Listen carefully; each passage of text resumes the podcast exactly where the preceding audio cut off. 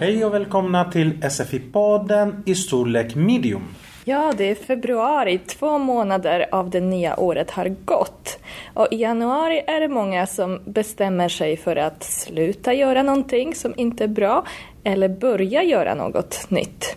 Det kallas nyårslöften. Ja, idag ska vi lyssna på Olof och Susanne som pratar om deras nyårslöften och hur har det gått än så länge. Mm, nu lyssnar vi. Hej Susanne! Hej Olav! Mm. Hej, hur är det? Jo men det är bra. Hur är det själv? Det är bra tack. Det är ett nytt år. Har du avlagt några nyårslöften för egen del? Ja, jag har ju det. Jag lovade ju att jag skulle sluta röka. Okej. Mm. Men det går ju sådär. Har du några löften? Eh, ja, jag har lovat att börja träna på gym. Hur går det då? Det går bra. Jag tränar en eller två gånger i veckan ungefär. Vad duktig du är. Ja, tack så mycket. Jag funderar faktiskt på om jag ska köpa såna här tuggummin. Nikotintuggummin? Exakt, för Ja. det är ju verkligen inte bra att röka. så Alltså, jag Nej, måste ju... sån, jag förstår. Sådana tuggummin ska man köpa om man röker väldigt mycket. Ja. Hur mycket röker du ungefär? ja, jag rökte nog kanske nästan ett paket om dagen.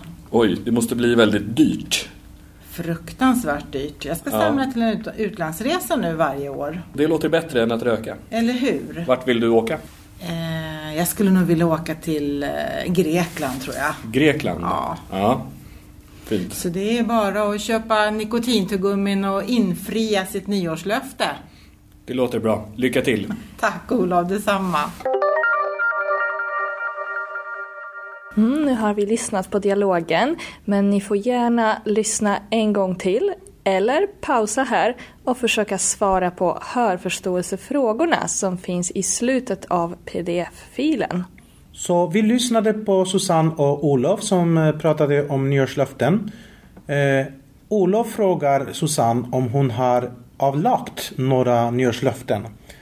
Och det betyder att eh, man har eh, lovat att man ska börja med någonting eller, eller sluta med någonting. Precis, avlägga ett löfte, det är samma sak som lova något, bara med andra ord. Och han frågar om hon har gjort det för egen del, alltså om hon själv har egna nyårslöften. Ja, det har hon gjort. Hon eh, lovade att hon skulle sluta röka. Och hon säger att det går sådär. Och sådär betyder att det inte går så bra. Nej.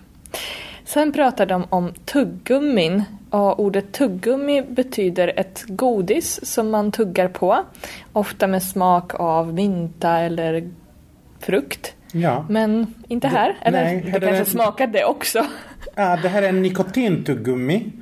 Och då betyder det att det är eh, ett tuggummi som innehåller nikotin så att man blir lugnare om man eh, eh, slutar röka och behöver, känner sig sugen på att röka. Då äter man tuggummi istället. Mm, så nikotin det är det ämnet som finns i eh, cigaretter.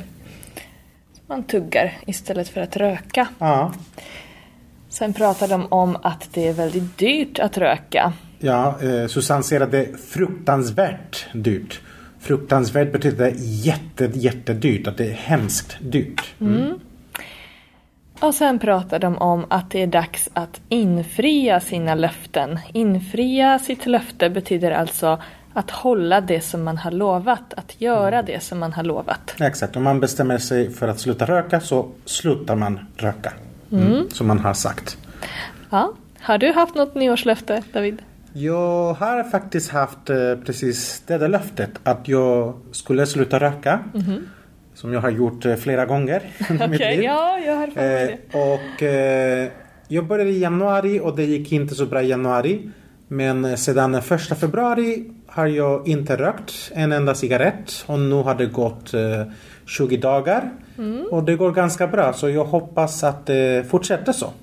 Jag håller tummarna för dig. Mm. Har du eh, några nyårslöften? som Nej, jag brukar inte ha det så här i januari. Däremot i september kanske, efter sommaren och efter semestern.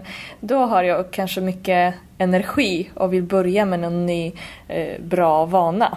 Så du kan fråga mig igen i september. Ja, det ska jag göra. Det brukar vara så att många börjar i januari eller i september. De där två tider. Ja, det är vanligt. Ska vi lyssna på Olof och Susanne igen? Det tycker jag vi ska göra. Hej Susanne! Hej Olav! Hej, hur är det? Jo men det är bra. Mm. Hur är det själv? Det är bra tack. Det är ett nytt år. Har du avlagt några nyårslöften för egen del? Ja, jag har ju det. Jag lovade ju att jag skulle sluta röka. Okej. Mm. Men det går ju sådär. Har du några löften? Eh, ja, jag har lovat att börja träna på gym. Hur går det då? Det går bra. Jag tränar en eller två gånger i veckan ungefär. Vad duktig du är. Ja, tack så mycket. Jag funderar faktiskt på om jag ska köpa såna här tuggummin. Nikotintuggummin? Exakt, för det Ja. är ju verkligen inte bra att röka. så jag Nej, måste ju... sån, jag förstår. Sådana tuggummin ska man köpa om man röker väldigt mycket. Ja. Hur mycket röker du ungefär? ja, jag rökte nog kanske nästan ett paket om dagen. Oj, det måste bli väldigt dyrt. Fruktansvärt dyrt. Jag ska Ja. samla till en ut- utlandsresa nu varje år. Det låter bättre än att röka. Eller hur? Vart vill du åka? Eh, jag skulle nog vilja åka till eh, Grekland tror jag. Grekland? Ja. ja.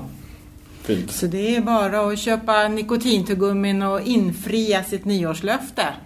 Det låter bra. Lycka till. Tack Olof, detsamma. Så nu har vi lyssnat på dagens dialog. Och eh, innan vi slutar vill vi eh, säga till er att eh, i pdf-filen kan ni hitta lite information om grammatik. Ni har några fraser som man använder när man pratar om hur ofta man gör något. Hade ni några nyårslöften och hur har det gått? Skriv gärna till oss på vår Facebook-sida eller i kommentarsfältet och berätta för oss. Ja, det var allt för idag. Vi hörs! Hej då. Hej då.